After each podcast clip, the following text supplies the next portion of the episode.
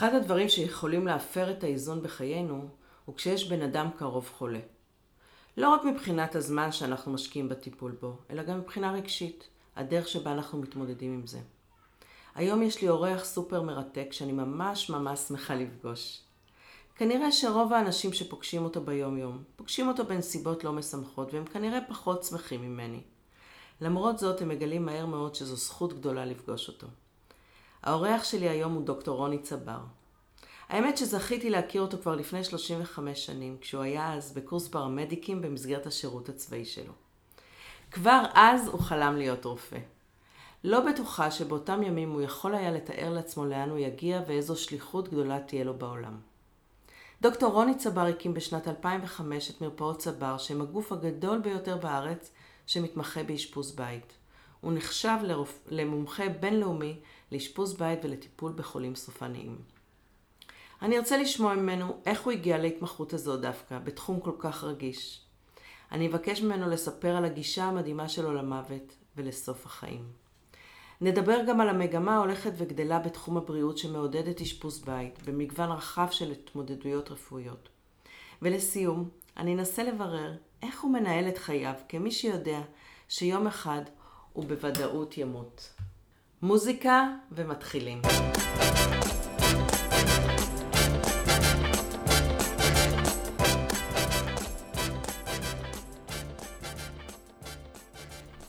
שלום רוני. שלום וברכה. לפני שאני מתחילה לשאול אותך כל מיני שאלות מעניינות בתחום שלך, אני רוצה להחמיא לך על הדרך שבה אתה מרצה. תודה רבה. אני ממש, נושא מאוד לא סקסי ומרתק. אמרתי לך קודם שאני כבר כמה ימים צופה, מזמן גמרתי לכתוב את השאלות ולעשות את התחקיר, אבל זה פשוט מרתק הדרך שבה אתה מדבר על מחלות סופניות. תודה רבה. בגדול, אם אני מרשה לעצמי להחמיא לעצמי, אני רואה הדים טובים בקהל. כלומר, אני בדרך כלל יש אה, קשב אה, טוב. אני יכול להגיד לך עוד דבר,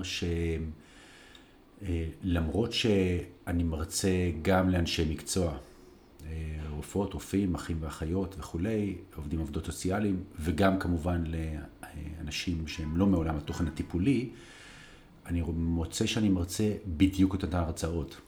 כן? כן, כי בעולם תוכן שלי, כמה שזה נשמע מדהים, למרות שכמו שאמרת בפתיח, כולנו בוודאות נסיים את חיינו, וכאנשי טיפול אנחנו אמורים לדעת להתמודד עם סוגיות שקשורות בסוף החיים, אה, אנחנו לא מקבלים שום הכשרה. עדיין? עדיין. כלומר, אני, לא, אני נזהר מהמילה שום, כי ישר מישהו יבוא ויגיד לי, לא, אנחנו עשינו סדנה של שלושה ימים בבית ספר לרפואה בשנה ה' או משהו כזה, אבל okay. אני אוקיי. מדבר על אה, הכשרה משמעותית, אין לזה שום התייחסות. אמ, ובפועל מה שקורה, שאנשי מקצוע טיפוליים צריכים את אותו מידע כמו שמטופלים במשפחות. ממש. כן. אני רוצה, כמו שאמרתי, יש לי לדאבוני ניסיון, mm-hmm. וגם הייתה לי הזכות אה, להיות מלווה על ידי אה, יחידה אפלטיבית, וזה פשוט הבדל של שמיים וארץ. כן. ממש ממש. אז תגיד לי, מה היה באמת הרגע שהחלטת להתעסק עוד אז, כשהכרנו, או שלא היה לך מושג בכלל? מה אתה הולך לעשות? אז כשהכרנו, אמ, הייתי המום מעצם העובדה שהעולם הרפואי פגש אותי. כלומר, אני, מכל מיני סיבות חיים, לא שום דבר טרגדיה, אבל מסיבות חיים הייתי תלמיד רע מאוד בתקופת הלימודים. לא מתוך, אני לא מהגיבורים שיכולים להגיד, כן, הייתי כל היום בחוץ ובא לי בכל, בשום צורה שהיא. ההפך הוא הנכון. למרות השתדלות מאוד מאוד גדולה, לא הצלחתי בשום דבר שקשור בלימודים אה, בתיכון. ובעצם התחלתי את הצבא מתוך ידיעה ברורה שאני אעשה משהו שהוא מאוד אה, מנואלי, כלומר שאני לא אלמד שום דבר אקדמי.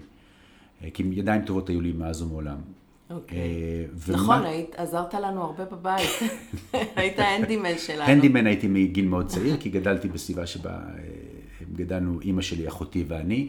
אז הייתי הגבר של הבית מגיל מאוד מאוד mm. צעיר, ואימא שלי נתנה לי להתנסות כל מיני דברים מאוד מסוכנים מגיל מאוד צעיר. אז ידיים טובות היו לי, אבל מוח לימודי בשום צורה שהיא. אה, ובצבא אה, פשוט אה, חל השינוי הזה. פשוט לימדו אותי, לימדו אותי טוב, דברים שלימדו. כי הצבא הוא מאוד מתודי בשיטות לימוד, וראיתי שכשמלמדים אותי מתודית, אני, אני לומד. וואו. ואז, לא אכנס לזה לפרט את זה, אבל מסיבה כלשהי שלחו אותי לקורס חובשים ממש לקראת סוף הסדיר שלי, וזה היה כמו, אני תמיד מספר את הסיפור הזה, כי זה ככה הרגשתי, שכמו העננים התרווחו להם, וביניהם חדרה קרן שמש ופגעה לי בחזה ואמרה לי, זהו, מצאת, אתה חייב להיות איש, איש טיפול רפואי. ואז כמובן הייתי צריך להשלים בגרויות וכל הסיפור הזה, אבל היה לי פתאום איזושהי הערה שאמרה לי, אתה חייב להיות רופא. אז זה בדיוק, אז פגשתי אותך, לא במקרה, אני זוכרת את, ה, את רוני שחולם להיות רופא. הייתי זה, ראיתי מלא את ה... תשוקה מטורפת לעשות את זה. איזה סיפור מדהים. כן, ועד היום אני, אני לא יכול לדמיין את עצמי אה, עוסק במקצוע אחר. אני כאילו ממש מודה למזל הטוב ש... שזה המקצוע שבו, זה שמצא לא, אותי. זה לא המקצוע שלך, זה הייעוד שלך. לגמרי. בחוויה שלי זה לגמרי הייעוד שלי. אני לא יכול לדמיין את עצמי עושה שום דבר אחר. כן. גם הנסיבות שככה גילית את זה, זה רק עוד יותר נותן לנו אינדיקציה שזה, כן. אתה יודע, זה קרמה, זה לא כן, ואני אני משהו לא בא עם מסורת שתכננת. של משפחה עם אה, רופאות מדהים. ורופאים, וזה פשוט לגמרי... אז. הרבה אימהות עכשיו שמקשיבות לנו, אוהבות. שהילדים יש עם, תקווה, אה, הכל בסדר. אה, לא מסתדרים בבית ספר, מה זה תקווה? ואני בא בי- מבית מאוד מאוד אקדמי. כלומר, למעשה, מהבודדים במשפחה שלי שהוא לא אקדמאי במובן הקלאסי של המילה, עד היום. כלומר, אני לא איש אקדמיה. מה אז זאת. אומרת אתה לא איש אקדמיה?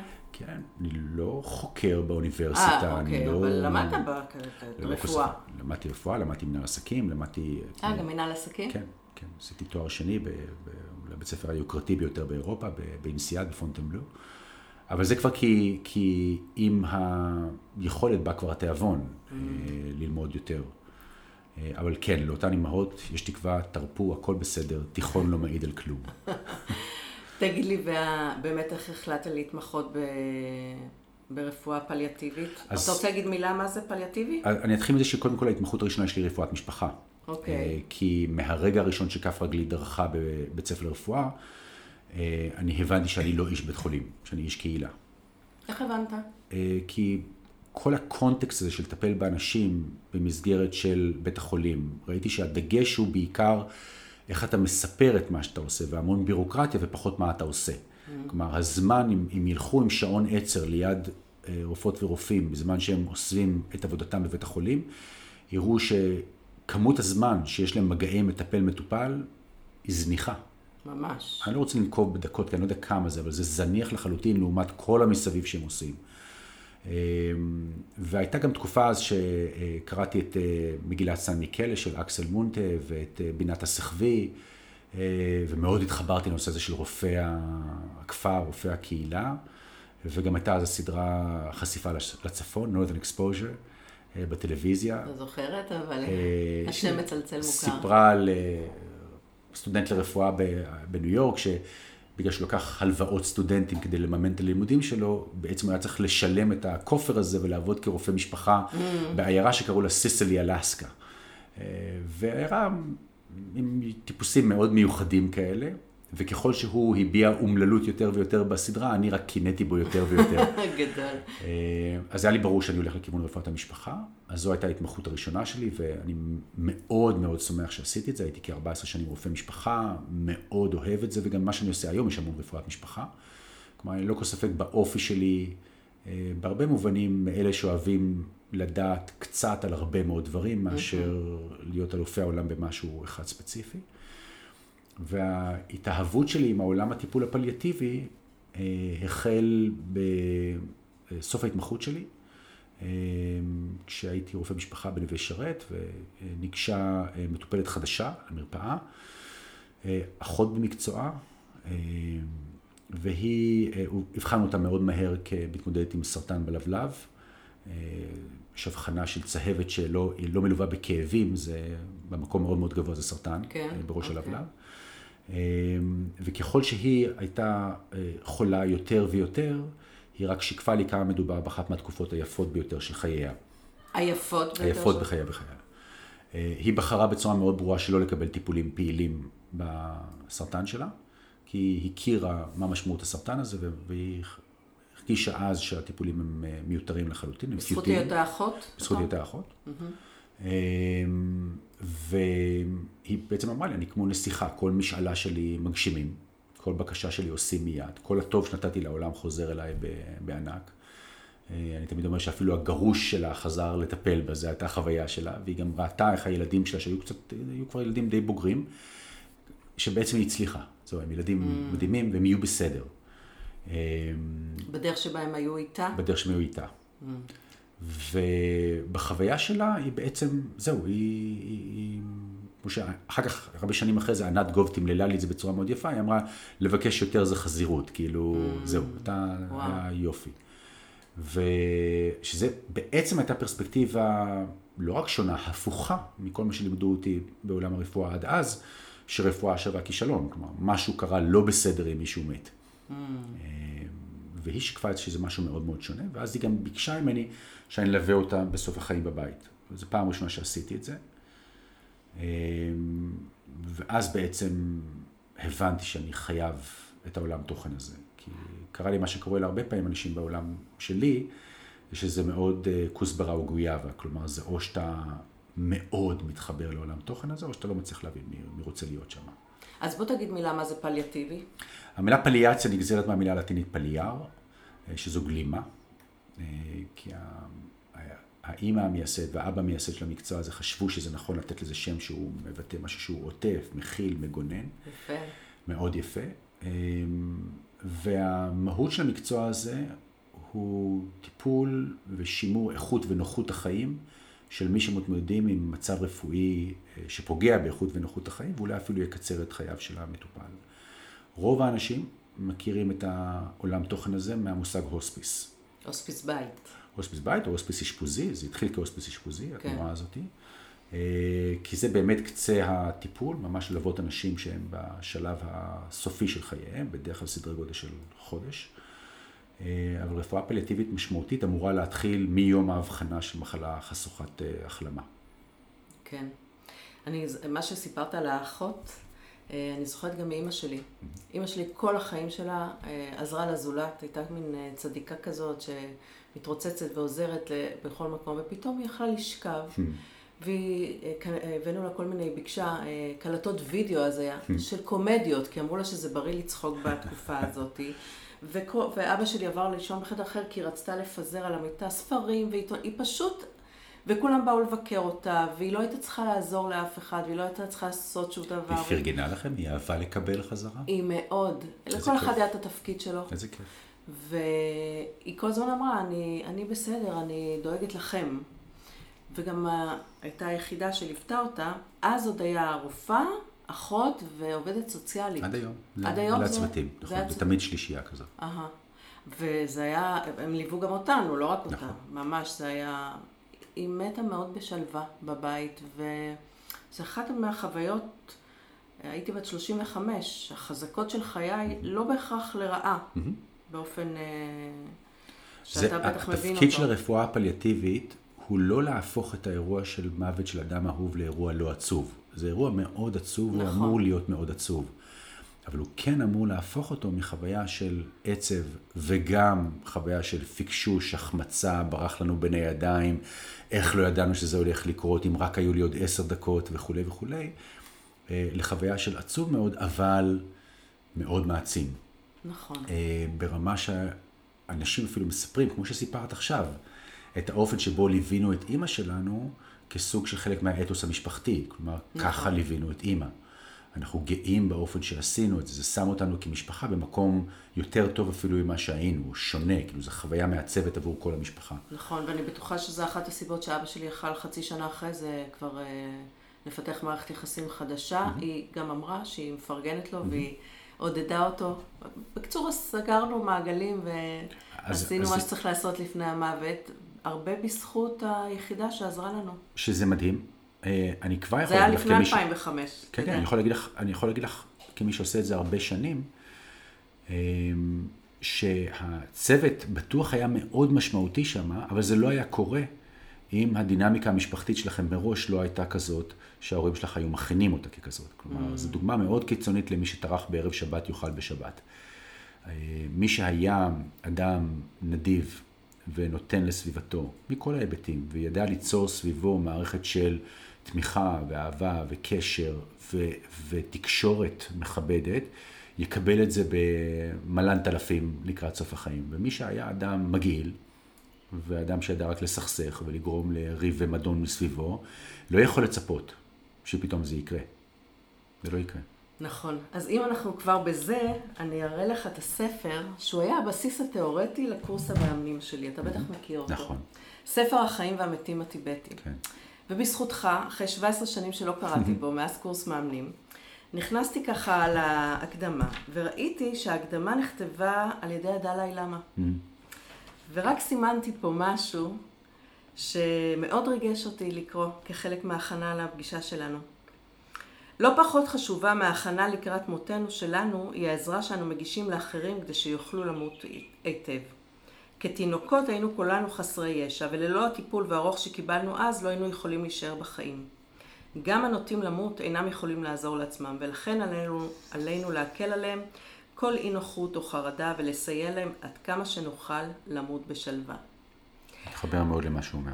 וגם השאלות, השלוש שאלות המהממות שלך, הן שאלות אימוניות. אתה יודע את זה? לא. זה שאלות שהן בעצם מזמינות להתבוננות פנימה, שהתשובות עליהן הן לא, הן בדרך כלל לא בשלוף או לא ממקום של ידע, אלא ממקום של התבוננות פנימה. אתה רוצה לספר על השלוש שאלות המופלאות האלה? אז אנחנו פיתחנו את, שלושת השאלות האלה, אני אומר אנחנו, כי אני חשבתי על השאלות האלה ואשתי עזרה לי למתג אותן. אשתך אשת שיווק? לא, בשום צורה שהיא, פשוט אישה חכמה. אוקיי. אמ, היא אמרה, אתה, אתה חייב לתת להם איזשהו מסגרת, איזשהו קונטקסט.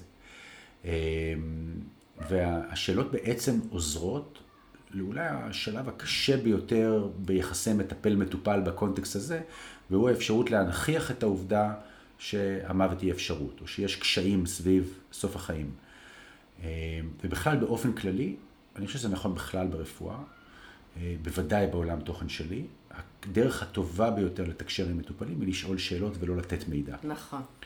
אה, כי שאלת שאלות בעצם נותנת לך שני דברים. היא גם נותנת, אה, או שלושה דברים, היא בעצם גם נותנת את כל המידע שהמטופל יודע, ובדרך כלל יודעים הרבה יותר ממה שאנשים חושבים שהם יודעים. הדבר השני, זה מאפשר להם להוציא החוצה את המידע שיש בתוכם, שלפעמים הסביבה לא מאפשרת להם להוציא אותו. הדבר השלישי, והוא מאוד חשוב, זה משרטט את גבולות הידע שהם רוצים לקבל. Mm. כי מישהו שאתה שואל אותו, ספר לי בבקשה איך אתה רואה את המצב. שזו השאלה הראשונה. שזו השאלה הראשונה, שהיא בכוונה השאלה הכי פתוחה שיכולה להיות, אפילו לא מצבך ולא מצבך הרפואי, ספר לי איך אתה רואה את המצב. אדם שמאוד מחובר למה שקורה איתו עכשיו ורוצה לדעת מה קורה, והוא פתוח לסביבתו להגיד, יגיד לך דברים כמו, המצב מאוד לא טוב, המצב קשה מאוד, אני רואה שאני הולך ומידרדר, אה, ואולי אפילו אני חושב שאני הולך למות. ועוד שאדם שכרגע מוצף מאוד מעצם הידיעה שהוא מתמודד עם משהו מורכב, יכול על שאלה, ספר לי איך אתה רואה את המצב, להגיד לך, תודה רבה, ברוך השם, הכל בסדר. עד כדי כך בהכחשה. אני אפילו לא יודע אם לקרוא לזה הכחשה, אבל אה, אני לא רוצה לתת שם לכותרת של מה שהוא עושה, אלא פשוט זה מה שיוצא לו מהפה, כי הוא לא מסוגל להכיל את, את השיח על זה כן. בכלל. או שהוא יגיד לך, הכל יהיה בסדר, או ברמה הזאת של, ברור לך שמפה והלאה אין יותר נושא לשיחה mm-hmm. על הדבר הזה. לא נכון להמשיך ולפעול. ואז כרופא אתה מכבד את זה. לגמרי. את הגבולות שהוא סימן. לגמרי. אז זו טעות להיכנס בזה ולהתנגח עם זה ולהגיד, לא, לא, לא, לא. עכשיו אתה תקשב ותשמע, ואתה... בדיוק מה יש לך. בדיוק מה יש לך. כי uh, זה פשוט טעות לעשות את זה. הדבר הנכון לעשות בקונטקסט הזה זה להגיד, אוקיי, בסדר גמור, ולנסות להמשיך דרך השיחה, להבין עם מי הוא כן חושב שנכון לדבר ויכול לעזור לו לקבל החלטות. אה, כדי שלפחות אם שאנחנו מדברים איתו, אם זה בן משפחה אה, או חבר קרוב, אנחנו לפחות נעשה את זה בצורה חוקית ומוסרית, ולא כמו שעושים את זה הרבה מדי פעמים, mm. מדברים עם אנשים אחרים ולא עם המטופל עצמו, אה, כי זה הרבה יותר נוח לצוות. כן, מעל הראש שלו. מעל הראש, נכון. מאוד לא מכבד. בוא נתחיל עם זה שזה לא חוקי. ואחרי זה לא באמת? מוסרי. באמת? גם לא חוקי. לא חוקי. לא, לא מוסרי בוודאות. נכון, לא זה לא חוקי, לא מוסרי, ובוודאי לא מכבד, נכון. אוקיי, אז זו השאלה הראשונה. השאלה הראשונה. השנייה? השאלה השנייה היא, למי שרוצה להתקדם הלאה, לספר לי בבקשה מה הכי מפחיד אותך עכשיו. Mm. והשאלה הזו בעצם אה, נוגעת בשתי נקודות. אחד, היא קודם כל נותנת לגיטימציה לעובדה שיש פחדים, ולכן השאלה היא לא האם אתה מפחד ממשהו, אלא מה הכי מפחיד אותך עכשיו. אמ, והדבר השני זה אמ, בעצם אין אדם שאין לו מחשבות לקראת סוף החיים במה מה האתגר הגדול שמונע ממנו בעצם להיפרד בשלווה. עכשיו, יש אנשים שה... ולכן רוב הגדול של אנשים לא מפחדים בהכרח מהעובדה שהם הולכים לסיים את החיים. הם מפחדים מהמסע. אה, בין אם זה, זה התופעות הפיזיות. מהסבל. כן, אני מפחד להיות כאוב, אני מפחד להיות בקוצר כן. נשימה, תלוי מה המחלה שמאפיינת אותך. אה, ועד אני מפחד להיות לנטל על משפחתי, אני מפחד נכון. להיות לבד כשהמוות יגיע, אני מפחד שלא יקשיבו למה שאני רוצה, אה, אני מפחד מהעול הכלכלי שעלול להיות כתוצאה, כל מיני פחדים. Mm-hmm. אני תמיד נותן את הדוגמה הזאת של האוכלוסייה שלי הכי מורכב לטפל ברגשית, הם אימהות צעירות לילדים צעירים. וואו. כן, האוכלוסייה הכי מורכבת. וואו. וזה ברור לחלוטין שאימא צעירה שמטפלת בילדים צעירים, המחשבה הראשונה, השנייה, השלישית, הרביעית שלה זה מה יהיה עם הילדים. כן. ולכן הסוגיה של מה הכי מפחיד אותך, צריך להיות מסוגל גם לתת את הפתח למה יהיה עם הילדים. כן. היא צריכה להיות מסוגלת לשאול את השאלה הזאת ולקבל תשובות. כי ביום שהיא חושבת שהילדים יהיו דאוגים ומטופלים ו- ו- וימשיכו לחנך אותה במסורת שהיא רצתה ויזכירו להם מי הייתה אימא שלהם, היא ביום יותר טוב. לגמרי. כן. אה, בעוד שמה שקורה הרבה מדי פעמים זה שכשהיא מתחילה לדבר על סוגיות שקשורות באולי תכנון קדימה, הרבה פעמים הסביבה, וכשאני אומר הסביבה, לצערי זה גם הסביבה המטפלת המקצועית, אבל בטח הסביבה הקרובה המשפחתית, סוגרת לה את הדלת על האף. כלומר... גם הסביבה המטפלת המקצועית? גם הסביבה המטפלת המקצועית. מטורף. מטורף.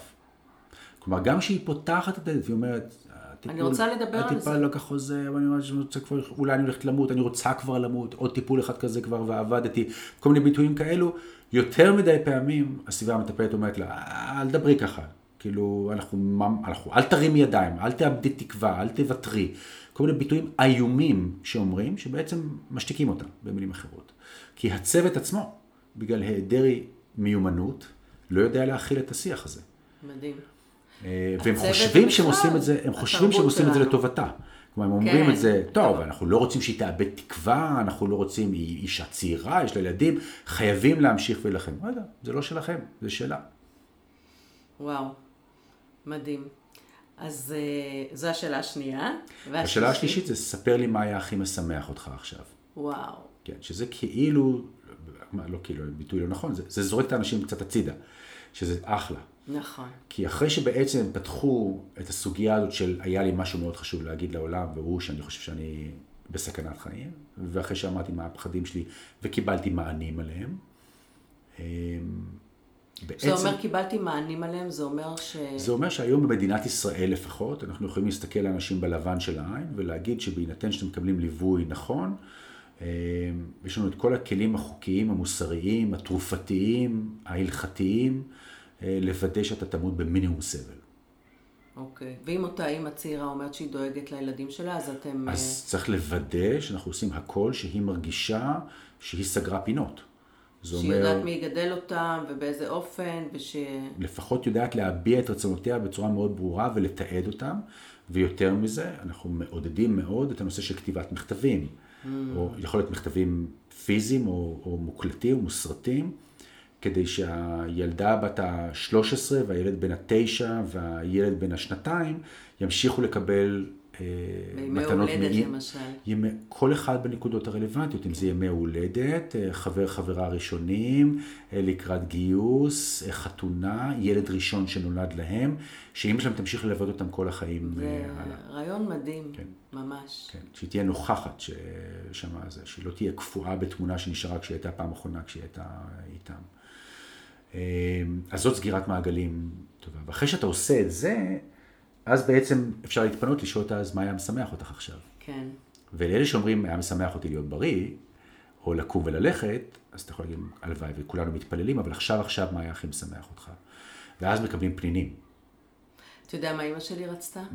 לנסוע בלימוזינה. כן, בבקשה. אז היא לקחה אותי ואת אחי ואת ארבע הנכדות. מדהים. לנסוע בלימוזינה. מקסים. נכון, מקסים. מדהים. היא מה זה הייתה מאושרת ביום הזה? איזה כיף. נסענו ליפו ו... הנה, זה, אלה פנינים, אלה מתנות, אלה סיפור שיש לך אותו לתמיד, איתך. ו- וזה מלנסוע בלימוזינה, שזה פעם ראשונה שאני שומע. אבל כשאני אומר פנינים, אני לא סתם אמרתי, כי לשאלה הראשונה והשנייה אנחנו כמעט תמיד שומעים את אותן תשובות. Mm. השלישית היא המרתקת. כי פה זה באמת... תן לי אה, דברים מעניינים, ככה תשובות של אנשים. יש אה, דברים שהם נשמעים לך, אני חושב שמניח שהם נשמעו לך אינטואיטיביים, כמו אני רוצה לדבר עם אחותי שלא דיברתי איתה 30 שנה. כן. אה, דרך בוא נעשה צוואה על רכוש המשותף, כי אנחנו לא רוצים שהילדים יריבו אחר כך. דרך תכנוני לוויות, דרך אה, ללכת לים, ללכת למקומות הקדושים בירושלים, לאכול קרטיב, כי אני מתגעגע לטעם. אלה הדברים שאנשים, אני רוצה לראות, סיפור שאני זוכר אותו היטב, שאני רוצה לראות את הבניין שתכננתי, כאילו, בתל אביב, כאילו, חשוב לי לעשות סיבוב פעם, כי זה החותמת שלי, זה, זה אני ילד תמיד, זו ה... וגם הקשבתי להרצאת TED המרתקת שלך, ששם סיפרת, נעמה קראו לה? נעמה, נעמה קראו. נעמה שרצתה לסיים את הדוקטורט נכון. שלה, נכון. ושסייעתם לה בזה. אנחנו לא עזרנו לסיים את הדוקטורט, אנחנו לא, אבל הבאנו את מצב, לה- מצבה הרפואי כן. מספיק טוב כדי שהיא תוכל לעשות את זה, כי הייתה אישה מבריקה, גאונה. וואי, זה היה ממש אה, סיפור מרגש מאוד. כן. יפה. אז רגע, אז אני חוזרת לזה. אז, אז אה, תיארת לעצמך שזה יגיע לממדים האלה? זה היה, כשאות, כשאותה אחות ביקשה ממך ללוות אותה, ופשוט עשית את זה, אמרת ככה, עשיתי את זה. איפה, אותי לא, לא, כמאמנת אני- עסקית, מעניין, איפה נכנס לחזון? האם הוא באמת, אה, זה התגלגל להיות ככה, או שזה באמת היה איזושהי תוכנית עסקית אה, להגיע לממדים האלה? זו הייתה מיני תוכנית עסקית, בהיבט הזה של, קודם כל כבר הייתי אחרי בית ספר למנהל עסקים. אז, אה, אוקיי. אז משהו כבר בראש דיבר. את, דיבר את השפה. אוקיי. אמ, ואמרתי לעצמי, זה ווין ווין ווין, כלומר זו רפואה מדהימה, היא אנושית, היא חומלת, היא קשובה מאוד, ולא יעזור כלום, היא עולה עשירית מאשפוז בבית חולים.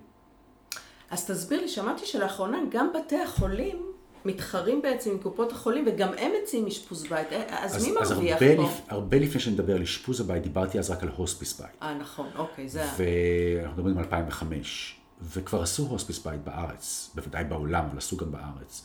אבל בעצם הדלתא שאנחנו הבאנו לעולם תוכן הזה, זה שאמרנו, לא רק מבוגרים שמתמודדים עם סרטן במספר מקומות מאוד בודדים בארץ, אלא כולם, כל הארץ, כל הגילאים וכל המחלות.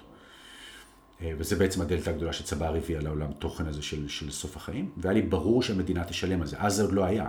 כלומר, וואו. אז, אז, כשאני דיברתי על זה ב-2005, לא היה את החוק שיצא רק ב-2009, שאמר, חוזר מנכ"ל, שאמר שכל מטופל שמוגדר כחולה נוטה למות, זכאי לליווי פליאטיבי מטעם הקופה 24/7, בין אם זה בביתו ובין אם זה בבית חולים. שזה גם כן לא מובן מאליו שהמדינה הכריזה נכון. כזאת הכרזה, זה בהחלט לזכותה של המדינה. אה, אבל אז זה עוד לא היה ב-2005, אז התחלנו כשירות שהוא פרטי לחלוטין, אבל כשהכריזו את זה כבר ב-2009, אנחנו בעצם היינו הגוף היחיד שהרים את הראש ואמר, אנחנו היחידים שעושים את זה בכל הארץ. וואו. ואז בעצם הפכנו להיות ספקים של כל ארבעת הקופות. אז כן הייתה פה חשיבה אסטרטגית עסקית שלשמחתי התחברה. ומה שקרה זה שאחרי מספר שנים אמרנו, אנחנו בעצם לא רק הוספיס בית. אנחנו מלווים אנשים 24/7, אנחנו בכל הארץ, אנחנו תיק אלקטרוני אחוד אה, מבוסס ענן, צוות רב מקצועי, אנחנו בעצם אשפוז. ובאנו לקופות ואמרנו, מה בעצם עוד כואב לכם חוץ מטיפול בסוף חיים? זו המחלקה השנייה שפתחנו הייתה מחלקת שיקום, שזה מצוקת מיטות קשה מאוד במדינת ישראל. אחרי ניתוח? לא רק, גם אחרי ניתוחים אורתופדיים, גם אחרי אירוע מוחי, גם אה, אחרי אוקיי. הידרדרות אשפוזית. אה, והיופי שאתה משתקם בביתך שלך, לא במוסד שהוא זר לך. הבית חולים מרוויח מיטה, הקופת חולים חוסכת מן הסתם עלויות, והחולה נמצא בביתו. כן, זה קצת, זה יותר? מורכב, זה קצת יותר מורכב מזה, מכיוון שאם מדברים על כלכלת אשפוז במדינת ישראל, אז אם זו הייתה כלכלת שוק קלאסית, אנחנו נכנסים לסוגיות הכלכליות, אז אם זו הייתה כלכלת שוק קלאסית, והיינו משווים apples to apples, מה שנקרא, אתה בא ואתה אומר, אני משווה מיטת אשפוז בית חולים, וזה לא משנה כרגע אם זו מחלקת הפנימית שלנו, או שיקום שלנו, או הוספיס, או אה, אי ספיקת לב, או גריאטריה, יש לנו היום תשע מחלקות אשפוז בית שונות. אז בין אם אתה משווה את המחלקה הזאת למחלקת בית חולים, אתה אומר, בגדול זה אותו שירות, אני עולה בין, תלוי במחלקה, אבל בין עשירית לשליש מיום אשפוז, no brainer, ברור שאפשר לשלוח כן. הביתה. העניין הוא שבמדינת ישראל יש מה שנקרא את הקאפ, וזה אומר שכל שלוש שנים קופות החולים סוגרות הסכמי אשפוז עם בתי החולים לשלוש שנים קדימה. אוקיי. כך שהן בעצם קונות מראש את כל ימי האשפוז לשלוש שנים קדימה. וואלה. מה שאומר שכל הוצאה נוספת על יום אשפוז בבית היא לא חיסכון, היא הוצאה נוספת. אוקיי. יש פה איזו ראייה עתידית שאומרת, עוד שלוש שנים אני אבוא לבית חולים ואני אגיד, אשפזתי איקס אנשים בבית, תוריד לי אותם ממספר המיטות שאני קונה ממך, ובעצם בשלוש שנים הבאות אני קונה פחות ימי אשפוז. או שיש איזה אלגוריתם שיכול לצפות כמה מיטות אה, אשפוז הם יצטרכו. כל מה שאני רק אומר זה שאיש הכספים של היום לא עושה שום דבר כדי לחסוך לאיש הכספים של עוד שלוש אוקיי, שנים. אוקיי. ולכן, אה, אה, נכון להיום, אני, אני מאוד נזהר, כי באמת, לשמחתנו, אה, ובהיבט הזה, זה אומנם התחיל אפילו טרום קורונה, אבל בהיבט הזה קורונה עשתה מהפכה מדהימה. זה אחת השאלות שלי הבית. באמת, כן, ספר. קורונה הוציאה מהמשוואה את השאלה למה.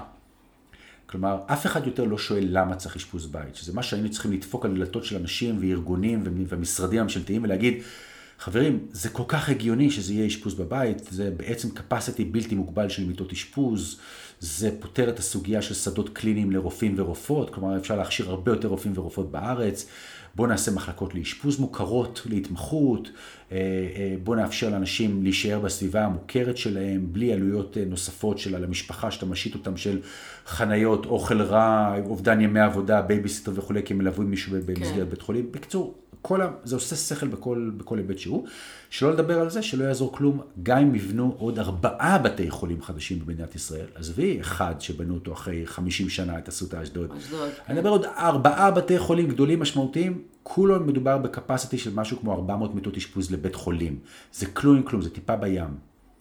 אז חייבים אז פתרון. חייבים. פתרון. אין, אין, אה, אין, זה לא, אופציה. זה לא אופציה של בטון ולבנים, היא לא האופציה האמיתית. אוקיי. אז אחרי שאנחנו מתדפקים על דלתות של כל הרגולטורים וכל קובעי המדיניות, באה הקורונה ובעצם הפכה את, ה, את הסוגיה עד כדי כך, שכמו שאמרת מקודם, אפילו בתי החולים באים והיום ואומרים, בוודאי, יש לנו מחלקות אשפוז בית.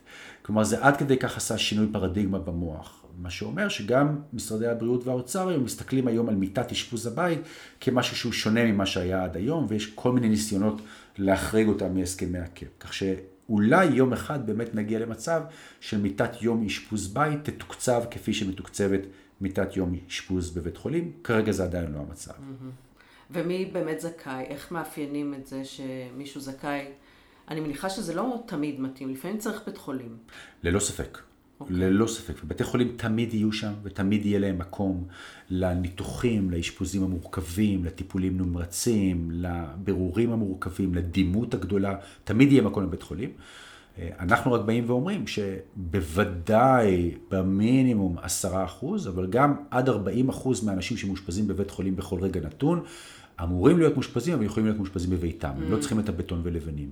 מה שאומר שבבת אחת, פינית, אלפי מיטות אשפוז.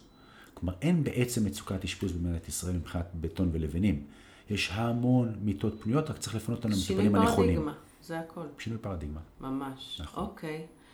תגיד, ומה עם מצוקת הרופאים? גם אתם אה, מתמודדים עם זה? ללא ספק. איך? איך אתם מתמודדים? רופאים ולא רק רופאים, גם צוות רב מקצועי. כלומר, גם אחים ואחיות אין בישראל בשפע וגם לא עובדים ועובדות סוציאליים. נכון. אמ, ואנחנו, מכיוון שיש לנו מחלקות אשפוז מגוונות, אנחנו גם עובדים עם פיזיותרפיסטים, מרפאים בעיסוק, קלינאי תקשורת, דיאטנים, כלומר כל המקצועות האלה הם בחסר, בוודאי רופאות ורופאים. בעצם מה שאנחנו באים ואומרים, וזה צעד שאנחנו דוחפים אותו מאוד מאוד קדימה, שאחד, המצוקה הזאת היא פתירה, כלומר צריך פשוט להכשיר יותר רופאים ורופאות בישראל, והסיפור הזה שלא מכשירים אותם בגלל שאין שדות קליניים, אני חוזר ואומר, יש שדות קליניים. מחלקת אשפוז... תסביר להדיוטות מה זה שדות קליניים. אין בעיה בשמחה. לימודי הרפואה מבוססים על שני, שתי תקופות. אחת, לימודים תיאורטיים בכיתות לימוד, וזה אפשר ללמד באלפים, זה לא בעיה בכלל. אפילו דרך הזום. אבל אני אומר, אין לזה מגבלה, אבל יש את השלב הקליני, שבו אנחנו בעצם, זה מקצוע שולייתי, זה clerkship, אני צריך להיות סמוך לשולחנו של מישהו מומחה וללמוד ממנו. אה, ובדרך כלל מה שמקובל, ואמור להיות גם בעתיד, זה שמספר סטודנטים מצומצם, בדרך כלל קבוצות של בין שניים עד חמישה סטודנטים, מתלווים לרופאים בכירים במחלקות אשפוז ועוברים איתם תקופה משמעותית במשך כמה שנים. כן. פאזה משמעותית בפנימית, בילדים, בכירורגיה וכולי וכולי, במקצועות הקטנים וכולי.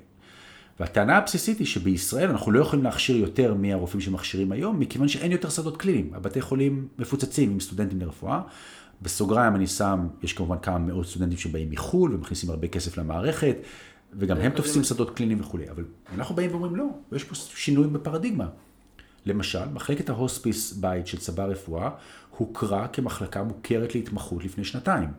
אתה יכול וואו. היום לעשות התמחות ברפואה, לפחות פאזה משמעותית מתוך ההתמחות, במסגרת המחלקה שלנו בבית. ואנחנו באים ואומרים, גם מחלקת פנימית בבית שלנו, גם מחלקת שיקום שלנו, גם מחלקת גריאטריה, גם אי ספיקת לב, גם מחלקת פסיכיאטריה בבית שלנו, יש לנו מחלקת פסיכיאטריה בבית, אין שום סיבה בעולם שלא יכירו בהם כמחלקות שבהם סטוד, אה, סטודנטים לרפואה ובהמשך מתמחים ברפואה, יעשו שם מספר חודשים כרוטציה. מכיוון שרפואת בית חולים היא לא רפואת הבית, לא, זה לא אותו דבר.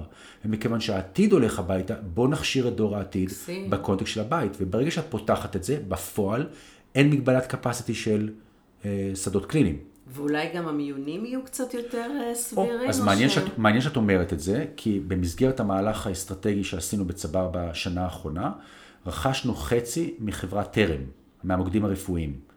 ובעצם, שיש להם 24 מוקדים בכל הארץ, כדי שיהיה לנו למעשה חדר מיון קדמי, כדי שאפילו את המיון לא יצטרכו לעשות אותו בבתי חולים. אלא אפשר יהיה לעשות אותו במסגרת הקהילה, את הבירור הראשוני, ובעצם לקבוע אחת משלוש החלטות. זה או שאתם חוזרים הביתה למעקב רופא המשפחה, או שאתם צריכים עכשיו אשפוז במסגרת אשפוז מוסדית, או שאתם צריכים אשפוז, אבל אתם מופנים חזרה הביתה למסגרת האשפוזית הבית. וואי, איזה יופי. כן. אז, אז זה כבר עובד? זה כבר קיים? אנחנו רק רכשנו אותה, אנחנו סיימנו את אה, הרכישה לפני חודשיים, אבל זו החשיבה, לשם זה הולך, וזה בטוח יגיע לשם. זו החשיבה האסטרטגית. ראיינתי פה לפני כמה חודשים את דוקטור אריק סיטון, הוא מה medical center, נכון, מכיר אותו? בטח, הוא גם דיבר על זה, על יוזמה חדשה, שהם עכשיו גם, כנראה שקוראים לזה שדות, אה, איך קראת? שדות קליניים? שדות קליניים. ב medical center, שזה גם מהפכני, שבית נכון. חולים אה, פרטי... נכון, אין סיבה שלא. ותגידי, והמיונים לרפואה, הם אחת הסיבות שהסטנדרט כל כך גבוה, כי אין מקום. שאין הרבה מקום, נכון? נכון? אז אתה חושב שהסטנדרטים ירדו? תראי, מה זה סטנדרט ירדו? אנחנו מדברים פה על, על בין פסיכומטרי 780 ירד ל-700, הכל בסדר, הם עדיין יהיו סטודנטים טובים. לא, זה, זה לא מה שיקבע אם אתה תהיה רופא טוב או לא. נכון היום מה שקורה בפועל, אם אנחנו כבר מדברים על זה, זה שמעל 60 אחוז מהרופאים שנכנסים כל שנה למערכת במדינת ישראל לא הוכשרו בישראל. הוכשרו וואו. במקומות שהם, אנחנו חושבים שהם פחות טובים. אה, בתי ספר במזרח אירופה, בתי ספר אה, באירופה שפעם הייתה מזרח אירופה. אה, ואז הם צריכים לעשות פה התאמות, לא? הם צריכים לעשות התאמות, אבל אם אתם לא. כבר מדברים על הורדת סטנדרט, זה בטח לא כי הפסיכומטרי ירד בקבלה mm. מ-780 ל-710, זה כי אתם מכניסים אינפלקס מאוד גדול של רופאות ורופאים שלמדו לא בישראל. וואי, זה ממש מהפך. פה התקלה. אני אגיד לך יותר מזה. מי היום שר הבריאות? יש שימי ניצן הורוביץ. Mm. כן. אז, אז יש בהחלט, יש תוכניות על הגדלת ה... קודם כל, יש פקולטות חדשות בישראל לרפואה. אה, בר אילן פתחה תוכנית של ארבע שנתי לפני מספר שנים. אה, מלמדים אותה בצפת. לא ידעתי. כן. צפת אה, גם? בצפת? לא, זה, הפקולטה של בר אילן היא בצפת. אוקיי. האוניברסיטה באריאל פתחה פקולטה לרפואה, ולאחרונה אוניברסיטת רייכמן הודיעה שהיא הולכת לפתוח פקולטה לרפואה פרטית. וואו. אז קודם כל פתחו עוד אוניברסיטאות, אבל שוב זה עדיין תוקע אותנו עם השדות הקליניים, כי לא, לא הגדילו אותם. אה, הדלתא הגדולה, המחשבה הגדולה הבאה צריכה להיות באמת אה, לפתוח את הבית, השדה של הבית לשדות קליניים לעבוד בהם. זה, זו, זה ציר אחד. הציר השני, אה, ופה אולי אני אקבל אחר כך פידבקים זועמים מעמיתיי הרופאים בהסתדרות הרפואית, אבל גם מהסתדרות האחיות, חייבים לייצר את מקצועות הביניים שלא קיימים היום בארץ. בטח לא בהיקפים גדולים, וקיימים באירופה ובארצות הברית הרבה מאוד שנים של עוזרי רופא, מה שנקרא physician assistant, ושל nurse practitioners, אחיות מומחיות. התחילו לעשות את זה בארץ, אבל זה בקטן מדי, זה מוגבל מדי, כי לא נעים להגיד, הגילדות המקצועיות מחזיקות את זה חזק מדי עדיין. Mm. עכשיו, מתישהו זה יקרה, אי אפשר שלא. לא תהיה פתאום איזו עלייה של ברית המועצות עם 90 אלף רופאים, זה לא יקרה עוד פעם. אנחנו ברעב אדיר של רופאות ורופאים ואחים ואחיות, והדרך היחידה היא להוציא מהמקצועות הרפואיים את העבודה שלא בשבילה הם הלכו ללמוד רפואה. Mm. כל המסביב הזה, כל המסביב הזה, לא התיאום CT, הרפואה המונעת, אפילו, אה, אה, אני אתן לך את הדוגמה הכי ברורה, פרמדיקים. פרמדיק באנגלית נקרא EMT, Emergency Medical Technician, הוא, רפ... הוא טכנאי של רפואה דחופה. לכולנו זה ברור לחלוטין שפרמדיקים יושבים באמבולנסים ומצילים אותנו הצלת חיים, הם עושים נכון. עבודה מופלאה. בעצם הגיוני לכולנו היום, שלוקחים אנשים שהם בריאים דקה אחת, התרסקו דקה שנייה, החיים שלהם בסכנה, ופרמדיקים, טכנאי רפואה מטפל בהם. וזה כן בסדר. וזה כן בסדר. אבל חס וחלילה שיהיה עוזר רופא או אחות מומחית שתעשה רפואת עור ראשונית בקהילה. או חס וחלילה שהם יעשו אה, רפואה ראומטולוגית, או רפואת משפחה קהילתית ראשונית, או, או, או זה אינסופי. או איזון של ספיקת לב, או איזון של סוכרת וכולי וכולי וכולי. ויפנו את הרופאות והרופאים באמת לאותם מקרים שהם מורכבים, שאתה צריך את הראייה האבחנתית, הרב-מערכתית, או שאתה באמת לומד אותה כרופא ורופאה. אין מה לעשות, שאנחנו באמת יודעים אותם יותר טוב מאשר כל מי שילמד קורס כזה או אחר. אבל בפועל, הפרטו הוא לפחות 80-20. תנו לנו להתמקד ב-20% מהמטופלים שהם מורכבים יותר, 80% מהרפואה השגרתית, החוזרת על עצמה, הרוטינית, יכולה להתבצע על אנשים שהם לא רופאות ורופאים, והכל בסדר, אף אחד לא ייפגע מזה. ושוב, הנה פתאום אין בעיית capacity של אנשי מקצוע. וואו, זה ממש uh, מהפכה. כן, אני הולך לחטוף על זה על הראש עכשיו על הרעיון הזה, אבל סבבה, בוא נקווה שאף אחד לא ישמע אותו. אתה יודע, מי שרוצה לחולל שינוי בעולם, חייב להסכים להיות שנוי במחלוקת. אתה מסכים? לא רק, גם שנוי במחלוקת וגם לחטוף המון השפעה על הראש והמון אה, רעל אה, והמון קנאה והשמת רגליים והכשלה, חלק מה... מה, פוליטיקה? אתה חייב להיות חלק מהלופ הזה. אני לא אומר לפתח עורפיל, אבל מאוד מאוד להאמין בדרכך כדי להגיד, בסדר, אז, אז הם אומרים, אז מה? זה קל להגיד. אז איך לך באמת עם זה? כבן אדם? קשה מאוד. קשה מאוד. אה, בתחילת הדרך בוודאי, זה, זה היה ממש להוכיח שאין לי אחות. אני הייתי ההוא שבא לעשות כסף ממתים. זה כאילו היה ה... טוב, אתם אמצע בר, אתם חברה פרטית, אתכם מעניין רק הכסף. וואי, מה זה מעליב? מאוד מעליב. מאוד מאוד מעליב. הלוואי והרופאים בבתי החולים היה להם את ה... תחושת השליחות שלכם יש. אני, אני חושב שלחלקם הגדול יש. נכון, אני, נכון, אתה צודק. אני אומר רק שזה, בוודאי מהרגע שהפכנו להיות ספק ציבורי, שאנשים לא משלמים עבור השירות וזה נכנס לסל לחלוטין, כי זה חשוב להגיד, אנשים לא משלמים עבור השירות, לא משפחות, לא מטופלים, זה הכל מסגרת קופות החולים שלהם, ובסל הבסיסי ביותר. אז בוודאי שמרגע שנהיינו אה, ספק ציבורי, אז בוודאי שהטיעון הזה הוא, הוא רפה. מה, בתי חולים לא רוצים להרוויח כסף? אסותא בית חולים לא רוצה להרוויח כסף? כאילו, מה... איך, איך זה טיעון ולידי לעובדה שאני, שמשנה את איכות הרפואה שאני נותן? בתור מישהי שמתעסקת ביחסים עם כסף, כסף זה אנרגיה. כדי לעשות דברים טובים בעולם, אנחנו צריכים כסף, זה חלק מה, מהמנגנון. האנושי, לפחות כרגע. אז אני אומר, בסדר, אני יכול להבין כשאתה חושב ששירות מסוים הוא פרטי. זאת אומרת, צריך לשלם לרופאים טובים, אני מדברת, מה זה כסף? צריך לשלם לרופאים טובים, צריך לשלם לאחיות טובות, צריך לשלם על הדלק, צריך לשלם על מיליון ואחד דברים. נכון. זה עולה כסף. נכון, אבל... לעשות דברים טובים צריך כסף. מסכים איתך לחלוטין, ולא צריך להתבייש בזה, ואני, אני, אבל אני עוד יותר, אני אומר, אנחנו מאוד מאוד גאים שמ-2010, כלומר, 12 שנה, אנחנו בעצם גוף פרטי, אבל ספק ציבורי לחלוטין. כלומר, אנשים לא משלמים אגורה עבור השירות. אין אנשים שלא מאשרים להם מהקופה והם צריכים לקנות את זה פרטי? לשמחתי, היום כמעט ולא. כמעט ולא. כלומר, יש לנו אה, אה, מיני מחלקה בתוך צבא אה, של שלוש נשים מופלאות, שנקראות קשרי, אה, או מתעניינים, מה שנקרא, במסגרת מחלקת קשרי לא קהילה. לא פעם דיברתי איתן. כן. באמת מקסימות. אז הן התפקיד שלהן זה לקלוט את, את העשרות, לפעמים מאות טלפונים ביום, ובעצם לקחת את ההפניות האלה ולהחזיר אותן לקופה דרכנו, ולהגיד, בואו קופה יקרה, תעבירו אותם אלינו דרך דרככם, אין שום סיבה בעולם שהם ישלמו פרטי. Okay. אז אנחנו ממש, זה אג'נדה בצבר לעבוד ציבורית. אנחנו לא רוצים לעבוד פרטי. מקסים. הלוואי, הלוואי ובאמת המהפכה הזאת תקרה.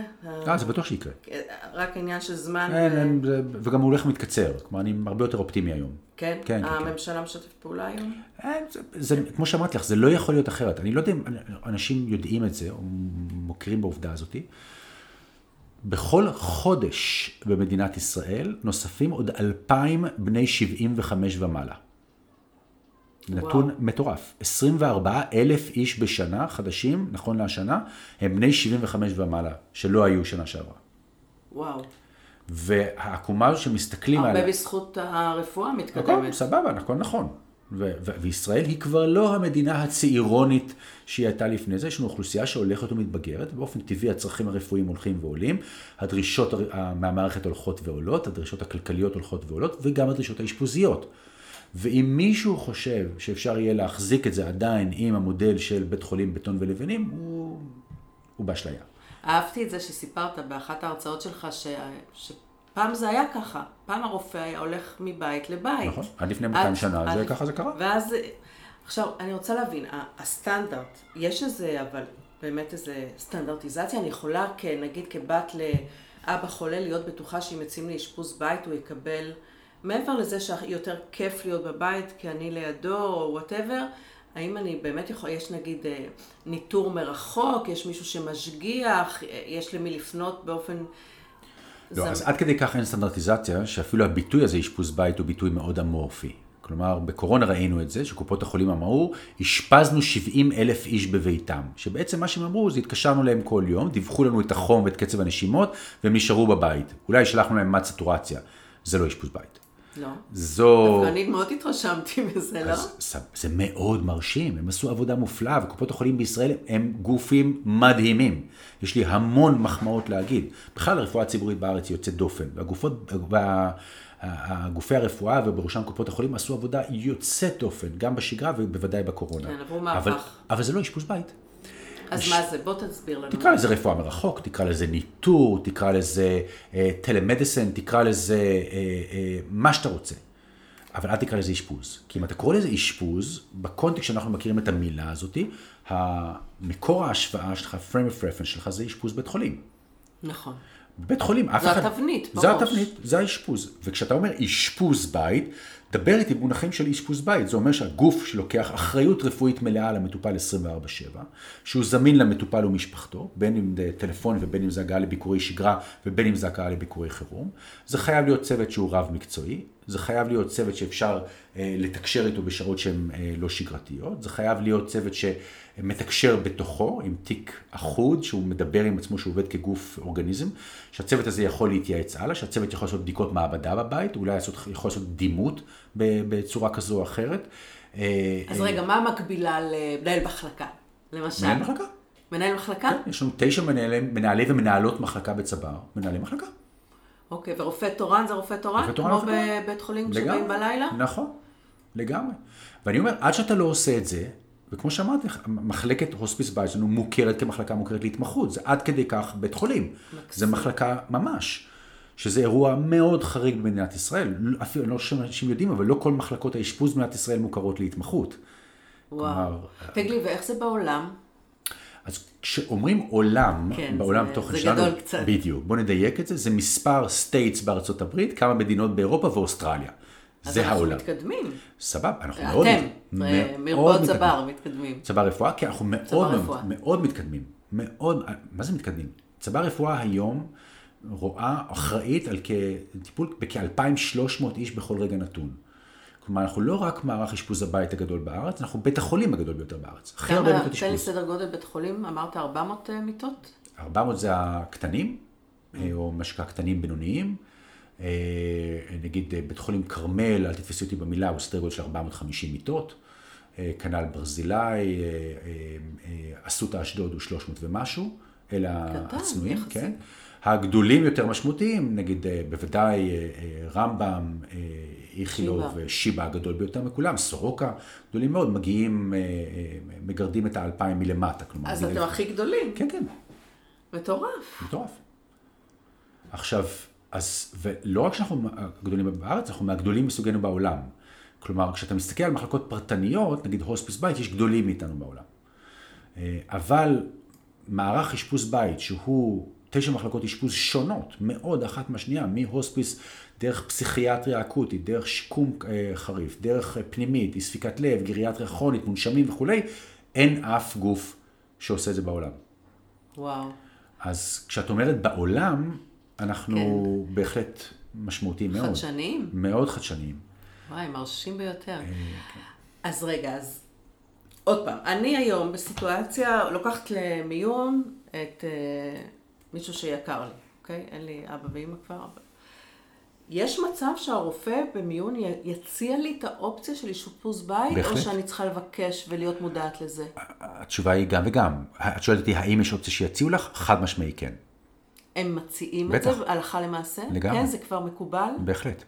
וואי. אה, בחלק מהמקומות צריך כאילו להיות יותר ברורים ולהגיד האם זה אפשרות ואני רוצה לבחון את זה ולד- ולדבר בכל בית חולים יש נציגים של קופות החולים.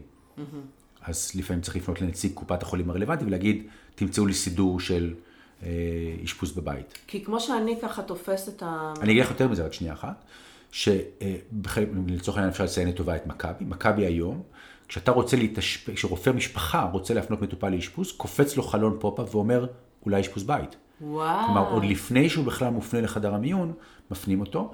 אה, גם בכללית ככה. היום למעשה, הרוב המוחלט של המופנים אלינו למחלקת פנימית אקוטית, כלומר זו ממש החלופה לאשפוז במחלקה פנימית, מגיעים מהקהילה, לא מגיעים מבית חולים. הם מעולם כף רגלם לא דרכה בבית החולים.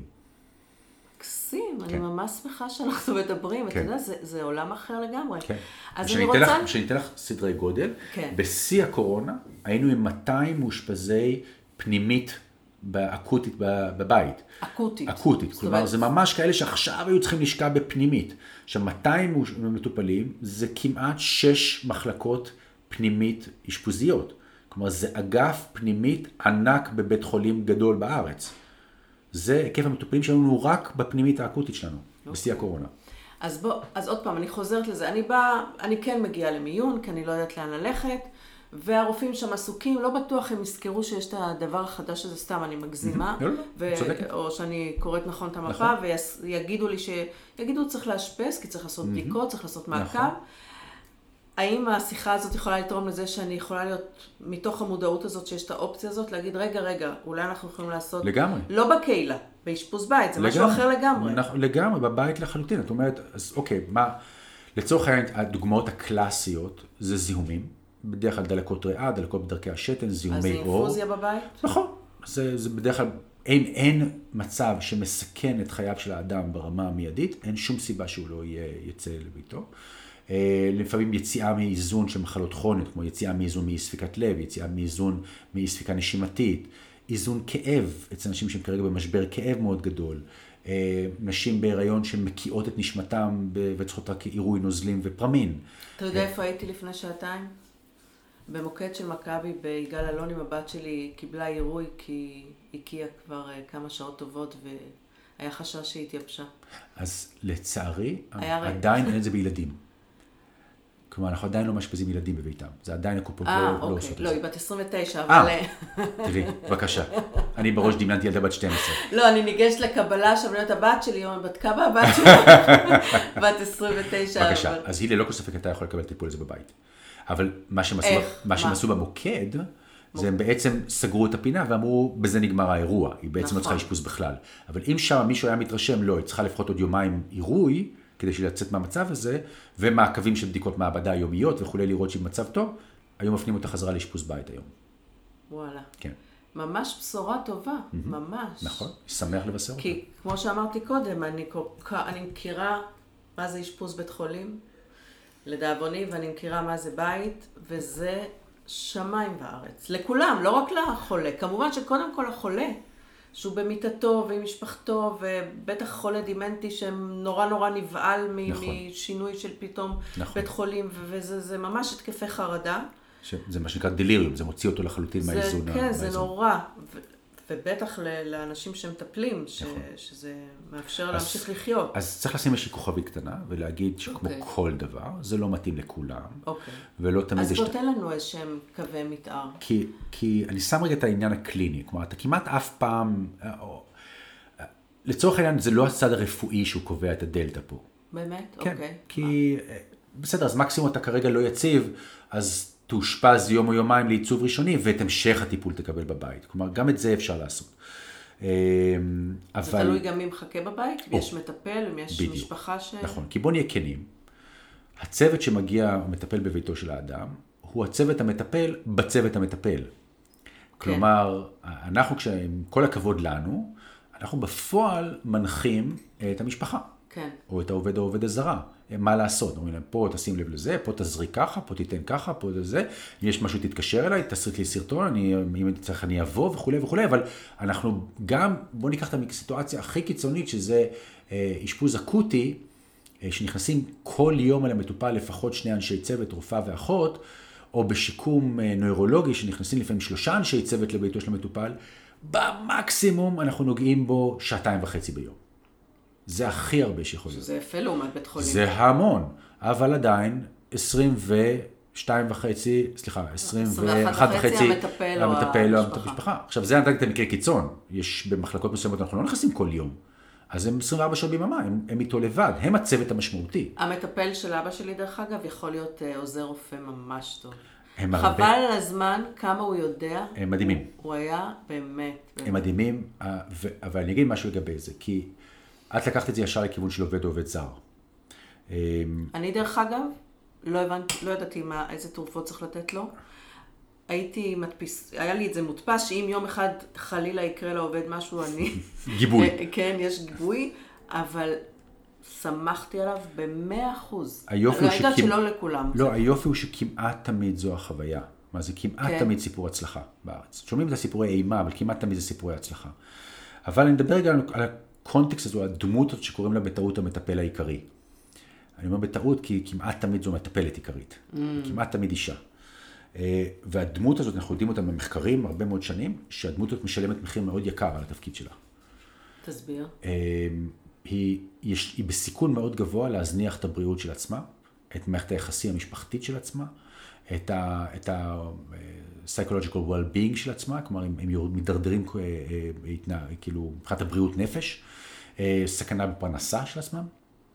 בעצם העובדה שהם מלווים, בטח לתקופות ארוכות, אדם אחר והם אחראים על הרפואה שלו.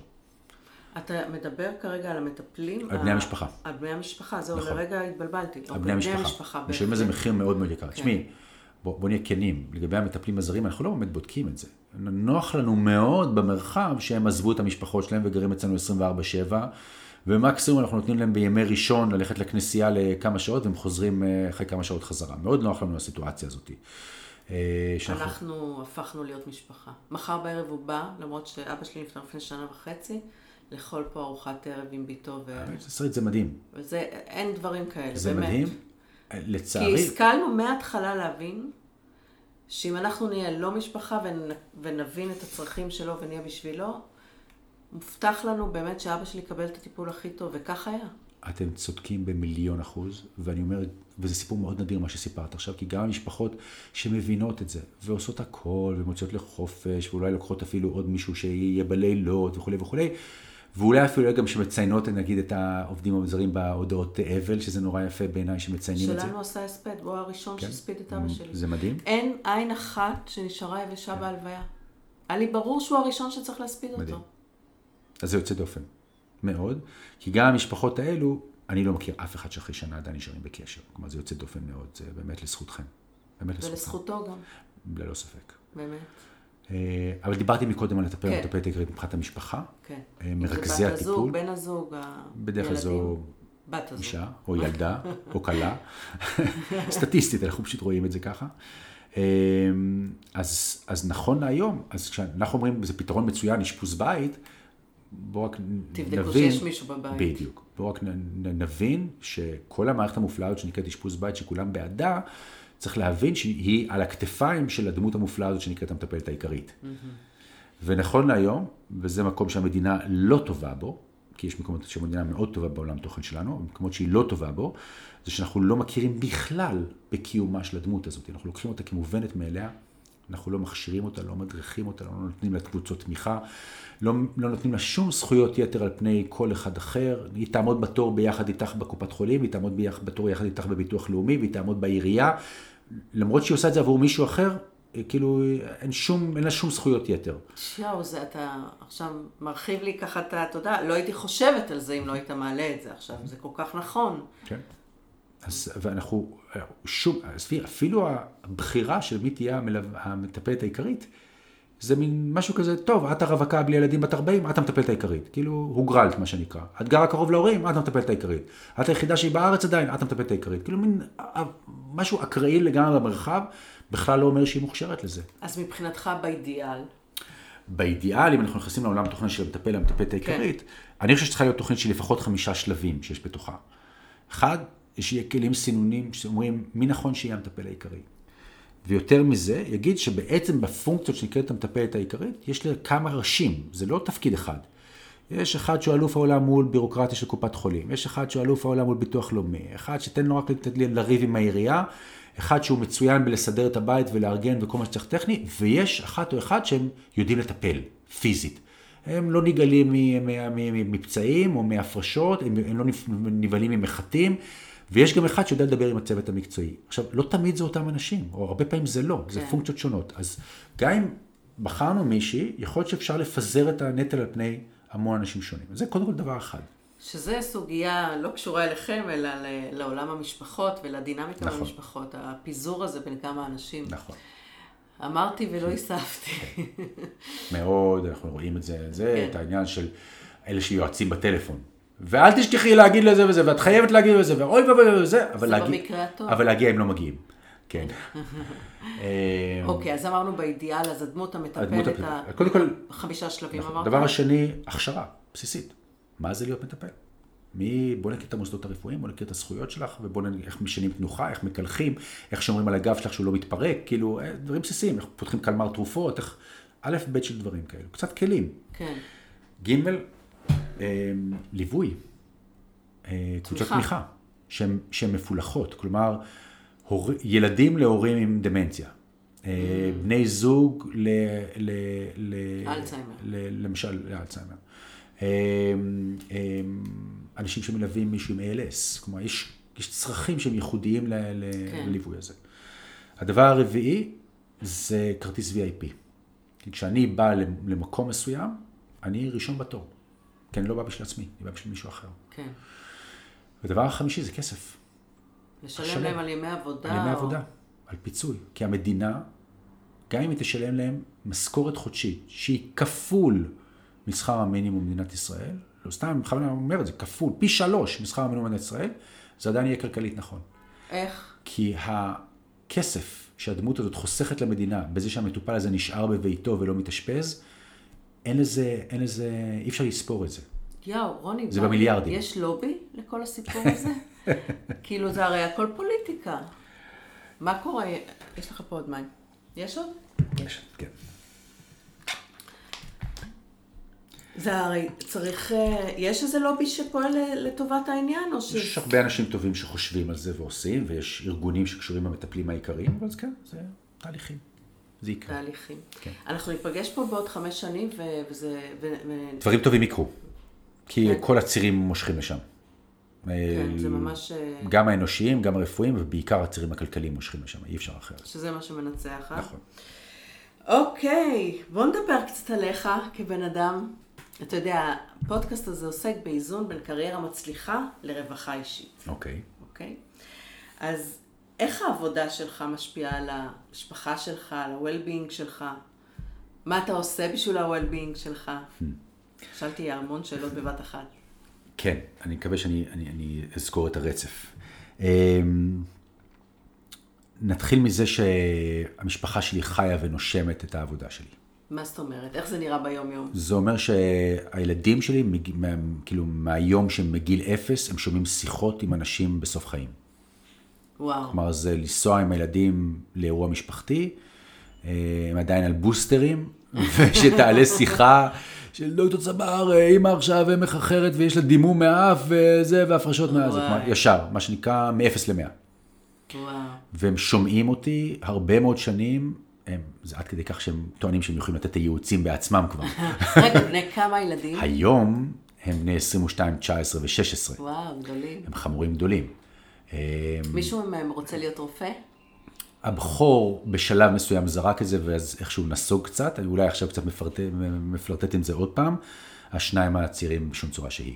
לא. Okay. אוקיי. הם כולם מאוד רגישים לסביבתם, כולם הם, אנשים מאוד, אה, עם חמלה מאוד גדולה, עם רגישות סביבתית מאוד גדולה, עם נתינה מאוד גדולה, אה, אבל אה, לעולם רפואה התשובה היא לא.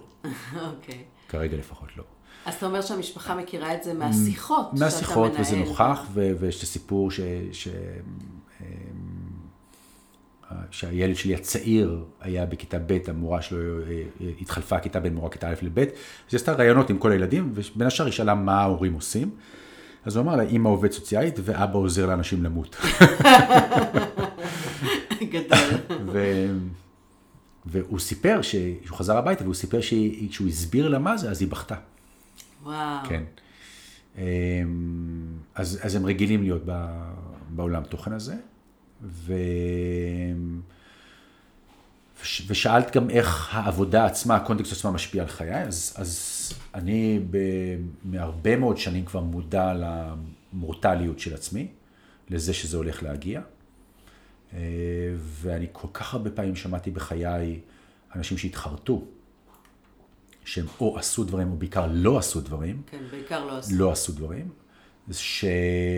שאני כל הזמן במודעות לזה. כלומר, אני לא דוחה פנטזיות. אה, אם יש לי דברים משמעותיים שאני רוצה לעשות אותם, אני עושה אותם. ולשמחתי, זוגתי מבינה, מפרגנת אה, לגמרי לדבר הזה. טוב, אז הנה נקודה משותפת שיש לנו. כנראה אצלי זה קשור לזה שאימא שלי נפטרה בגיל 62, mm. למרות שגם אחד הדברים שהיא אמרה לי בגיל 62 זה שהיא עשתה ב-62 שנים מה שאחרים לא עושים ב-120. אז יש לי את זה כנראה לא קשור במוות שלה, זה כנראה רק... וורד, חברתנו המשותפת, אמרה לי לפני שבוע משהו נורא נחמד, שאמרה לי, את אחד האנשים שחלום הופך להיות תוך דקה מטרה. אז, אז זה... אנחנו מאוד דומים בהיבט הזה. כן. כן. כן, כי אני לא יודעת למה זה לא ברור לכולם, שהחיים עכשיו הם קצרים ועוד דקה נגמר. כן, זה בשום צורה שהיא לא אומרת לחיות בהפקרות, זה לא אומר לחיות על הקצה, זה לא אומר לחיות כאילו אין מחר, ממש לא. להפך. נכון, זה רק אומר... להימנע ולשמור על בריאות. בהחלט, מאוד, מאוד, בטח עם גנטיקה מחורבנת כמו שיש לי מצד של אבא שלי הביולוגי, אבל, אבל זה גם להסתכל על עצמך, זה בעיקר הקונטקסט של להסתכל על המראה בבוקר, ולהגיד, האם בגדול, אם היום בערב יודיעו לי שהחיים שלי הולכים להתקצר באופן משמעותי, האם אני מרוצה? מישהו ואם... יכול להגיד כן? בטח. אתה מתכוון מרוצה ממה שהגעתי עד לא, היום? לא, מרוצה לא מהעובדה שאני הולך לסיים את חיי. ממה שהספקתי? ממה שזה, כלומר, האם יהיו פה חרטות מאוד גדולות, האם אני אגיד, אוי, למה לא זה, וכל בוקר לעשות את התיקונים הקטנים האלה, להגיד, אנחנו סגורים על עצמנו, או שיש פה איזה משהו שצריך לשנות את הציר שלו. אה, וזה אני מאוד עובד בזה. Mm. אני רגע, קפץ לי משהו. דיברת קודם על זה שגדלת עם אימא mm-hmm. ואחיות, ועכשיו אמרת אה, גנטיקה מחורבנת. מה? אבא שלי ואימי ואבי אה, נסעו לעשות אה, מאסטר בביולוגיה בקליפורניה בשנת 65. שעוד לא נולדת. לא, הם נסעו עם אחותי הגדולה, ואני נולדתי בשנת 67, ושלושה חודשים אחרי זה אימי החליטה שהיא עוזבת את, אה, את אבא, כלומר היא מתגרשת, בצדק מוחלט, ו... וחוזרת חזרה לארץ עם אחותי ואיתי, ובעצם עד גיל 13 כמעט גדלנו אה, עם האחות ואני. ופגשת את אבא? אה, מספר זעום של פעמים. וואו. כן. פשוט לא היה קשר כל השנים? כן, נכון. והמעט קשר שהיה לי בתור ילד צעיר היה מאוד מאכזב, אז היה... אז למה אמרת גנטיקה גרועה? מה, מצבו הרפואי? קודם הוא נפטר, אבל okay. אוקיי. uh, הוא היה עודף משקל ניכר מאוד, mm. והזניח את עצמו מאוד, והוא היה איש מבריק, אבל uh, uh, בוא נגיד שקליפורניה של שנות ה-60 תפסה אותו, הוא גדל בבית יחסית מאוד פיוריטני, והוא התפוצץ על, על סמים, אורגיות, whatever דייוויס קליפורניה נתנה בשנות ה-60. וואו, יצא לי לפגוש את אימא שלך, זה עולם אחר לגמרי. וואו. לגמרי. ובגלל זה אימא שלי אומרת תמיד שהוא עשה שני דברים מצוינים, נתן מטען גנטי מצוין ולא הפריע. זהו, רציתי להגיד לך שאנחנו, מי שאנחנו בזכות מה שהורינו נתנו לנו, ובזכות מה שהורינו חסכו מאיתנו. וואו. אימא שלי שתהיה בריאה, כן. עשתה, אימא שלי הייתה אם חד-הורית לפני שהמציאו את הביטוי הזה. כן, אה, בשנות ה-70 כן. זה לא... לקחה החלטה מאוד אמיצה בסוף שנות ה-60, היא הייתה אז יתומה, שני הוריה. וואו. כן. היא יתומה בגיל מאוד צעיר, שני הורים. אה, ולקחה החלטה מאוד אמיצה, בלי מערך תמיכה כלכלי, או אפילו הייתי אומר ההפך מזה. ואמרה, חוזרת חזרה לארץ ונתמודד, מה שנקרא. אמיצה. מאוד. טוב, תשמע, אני, יש לי פה עוד שאלות שלא שאלתי אותך, אבל uh, הזמן שלנו ככה קרוב לסיום. Mm. מעניין אותי לשאול, דיברנו בעצם על מה החזון הלאה, נכון? בעצם אמרנו, בעוד חמש שנים אנחנו רוצים לראות, אתה יודע להגיד מספרים, או איך. נדע שזה קרה? המהפכה הזאת שתיארת? בעיניי ההישג הבא המשמעותי שאני רוצה לראות אותו, זה שלפחות עוד מחלקה אחת בצבא תוכר כמח, כמחלקה מוכרת להתמחות, ואז אני אגיד זהו. כלומר, זה כבר לא רק התחום הכאילו יותר אזוטרי של, של, של פליאציה, אלא זה פנימית, גריאטריה, משהו בחזית העיקרית, כי אז זה כבר אומר שזהו, הסכר נפרס לחלוטין, ו, ובעצם השדות הקליניים בקהילה יוכרו בדיוק כמו אשפוז בבית חולים.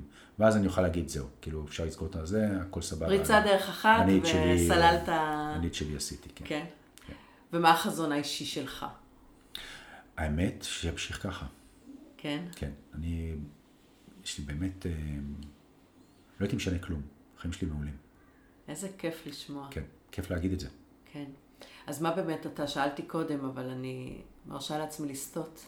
אה, מה אתה עושה בשביל הרווחה האישית שלך? ספורט, תזונה, דברים הטריוויאליים או... אני אה, איש של בוקר, מאוד. אה, כלומר, היום שלי מתחיל בדרך כלל ברבע לחמש כזה, חמש ורבע. ישר לתוך בגדי ספורט, אין בכלל פאזת ביניים. אוקיי. אה,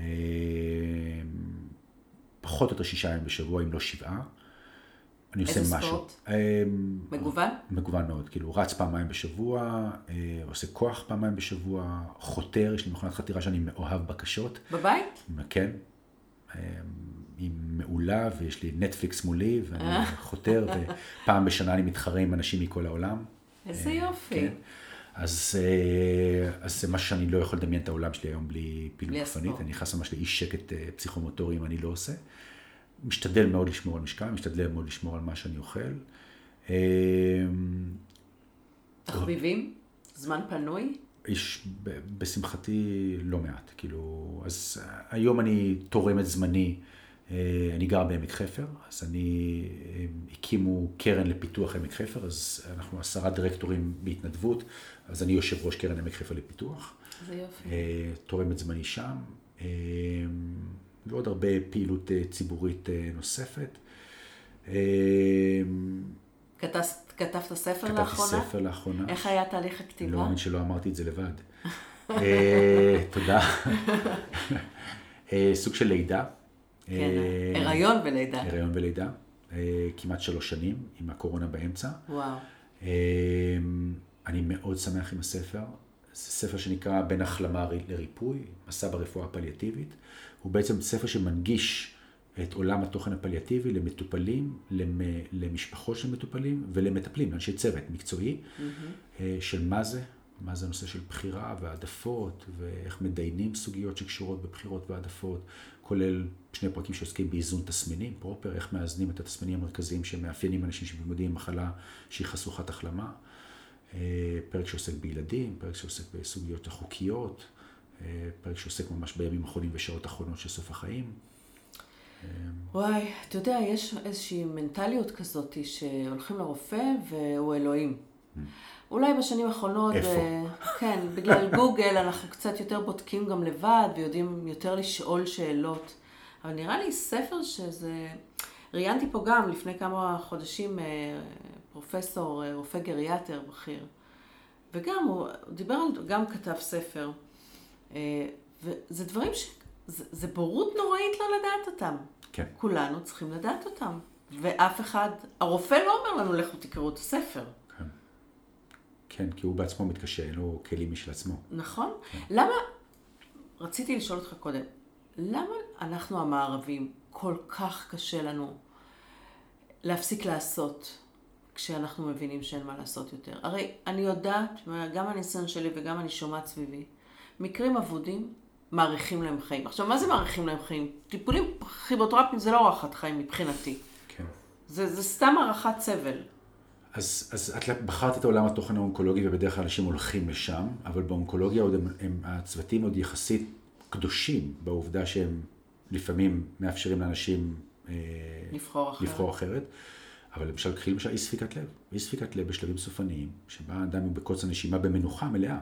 היא מחלה לא פחות נפוצה ממחלות אה, אחרות. אה, אני עוד לא פגשתי את הקרדיולוג שאומר למטופל, אתה לא חייב למות מונשם מורדם בטיפול נמרץ. בכלל אין שיח על זה.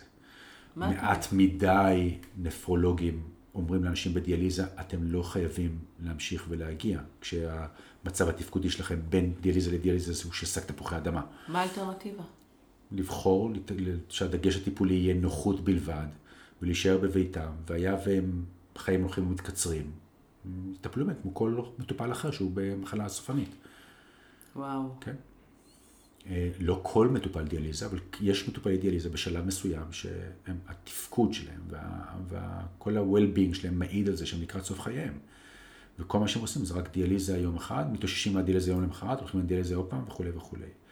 אנשים שמתמודדים עם ספיקת כבד סופנית, אנשים שהם אה, אה, אפילו ב-ALS, שנכון למאה ה-21, נכון להיום, ל-2022, היא לא מחלה נוירולוגית, היא מחלה פליאטיבית.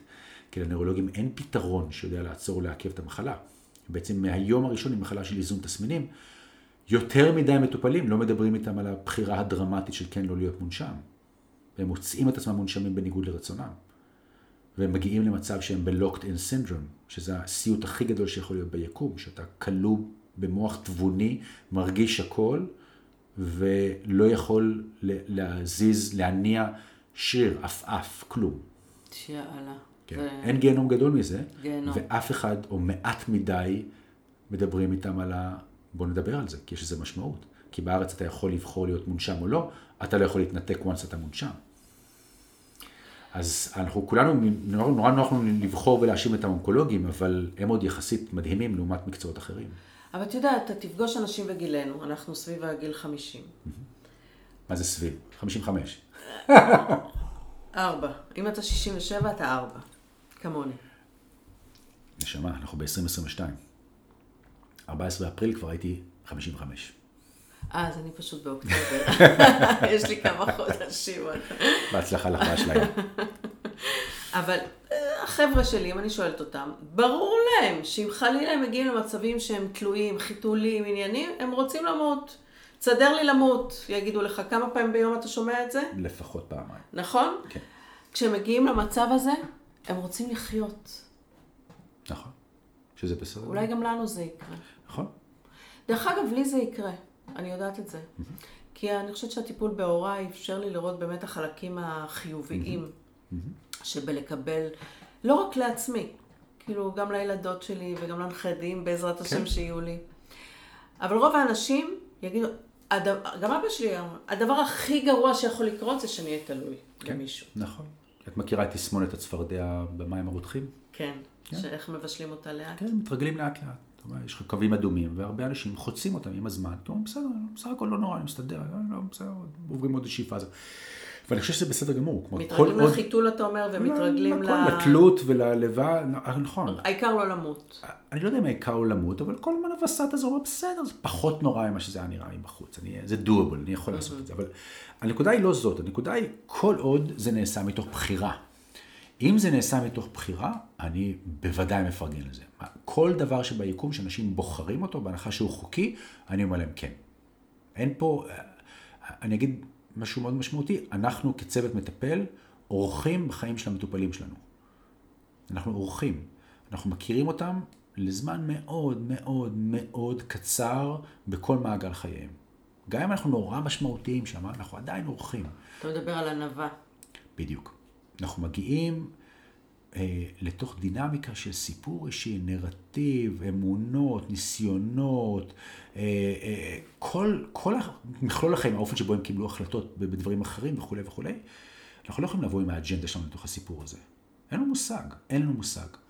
ולכן התפקיד לא רק בסיפור הזה, רוני, כדאי שנבוא בלי אג'נדה. אנחנו, הדיפולט זה לבוא עם אג'נדה, אבל אם קצת היינו שמים אותה בצד ו... ושואלים אז... שאלות כמו שהתחלנו את השיחה שלנו. כן, נכון. כן, גם את הילדים שלנו. אוקיי, אז שאלות מהירות לסיום. אוקיי. מה האוכל האהוב עליך, או המסעדה האהובה עליך? בגדול, אוכל אסיאתי. אה, נגיד צלחת ראמן טובה זה משהו שאני כמעט תמיד אה, אשאף אליו, אוקיי. אבל גם, פשוט אני חזרתי עכשיו מסן פרנסיסקו, אז, אז לחם שהוא סאורדו אמיתי עם חמאה. אין על זה אין בעולם. אין על זה בעולם. טוב, נקווה שהארוחת היום שתקבל פה עם דג ותנור תהיה מספיק טובה. סרט הופעה, סרט הופעה או הצגה, אם יש לך ככה ערב שאתה רוצה לבלות ולפנק את עצמך. אני צריך לעלות מיידית כזה? לא. אמ, זה תלוי איזו הופעה. אמ, אני בהיבט הזה מת על הופעות סטנדאפ, אם הן טובות. באמת? אני חולה על זה. אה, אם זה מופע של אה, זמר או להקה שאני מאוד אוהב, מאוד אוהב את זה. אה, אבל סרטים זה תמיד אופציה טובה. כן, אוקיי. ספר שהשפיע עליך באופן משמעותי? דיברת קודם על... המון. אחד. דיברתי קודם על מגילת סן מיקלה, ש... שעשתה את זה בבינת השכפי של אביגדור דגן. אבל הספרים של מאיר שלו, Mm, חוץ מפונטנלה, וגם האחרון פחות התחברתי אליו. עוד לא הספקתי. פחות, פחות. אה, אבל אה, בביתו במדבר, ו- וכימים אחדים, ויונה ונער, ו- ועשו, הם פשוט יצירות מופת מטורפות. אני הולך איתם בראש. יוצא לך. לקרוא? בטח. רומנים ככה? כן. כן, יפה. כן. מה אם הייתה לך אפשרות, היית אומר לרוני בן ה-20? תחזיק מעמד, יהיה בסדר. אגב, אפרופו מה שדיברנו קודם, לא הייתי חוזר שנה אחורה. שנה יופי. לא הייתי חוזר אחורה. איזה יופי. כן. כיף לשמוע. כן. יש איזה חלום אישי שאתה רוצה להגשים? אמרת קודם שחיים, שפשוט ימשיך להיות ככה. זה אחלה חלום דרך אגב. כן. אבל יש איזה משהו שאתה עוד רוצה להספיק? אה, אני כן שלא רוצה, תתחרט? אני כן רוצה לטייל הרבה יותר בעולם. אז הרבה יותר, תן לי... אני, מדידה. אחד התחביבים שאני אולי לא ציין אותם מקודם, אני, אני מאוד אוהב טרקים. Mm. אה, פעם בשנה, טרק משמעותי, כדי שכל הציוד על הגב, הרבה ימי הליכה במקומות מאתגרים.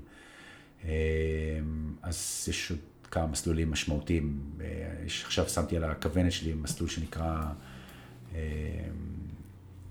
שמתחיל ביוסמתי, אה, של 240 מייל, של... אה, וואי. כן, אה, אבל כזה. מה, נעוץ ביומן, נגיד חודש בשנה, שואלת המאמנת העסקית.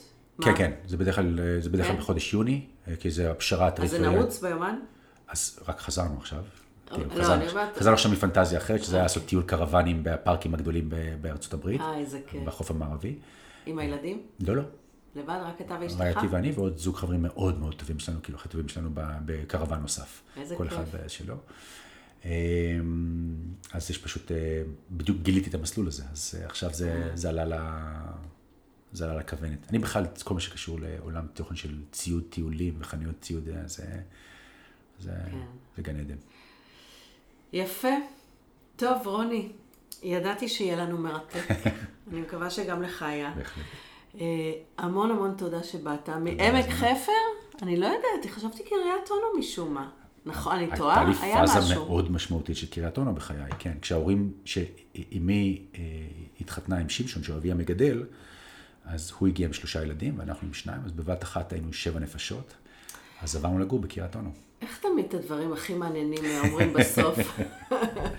אז אני לא אשאל אותך על המשפחה המשלבת, כן. אולי נעשה עוד שיחה. תודה רבה, תודה היה לך. לי לעונג. בשמחה רבה.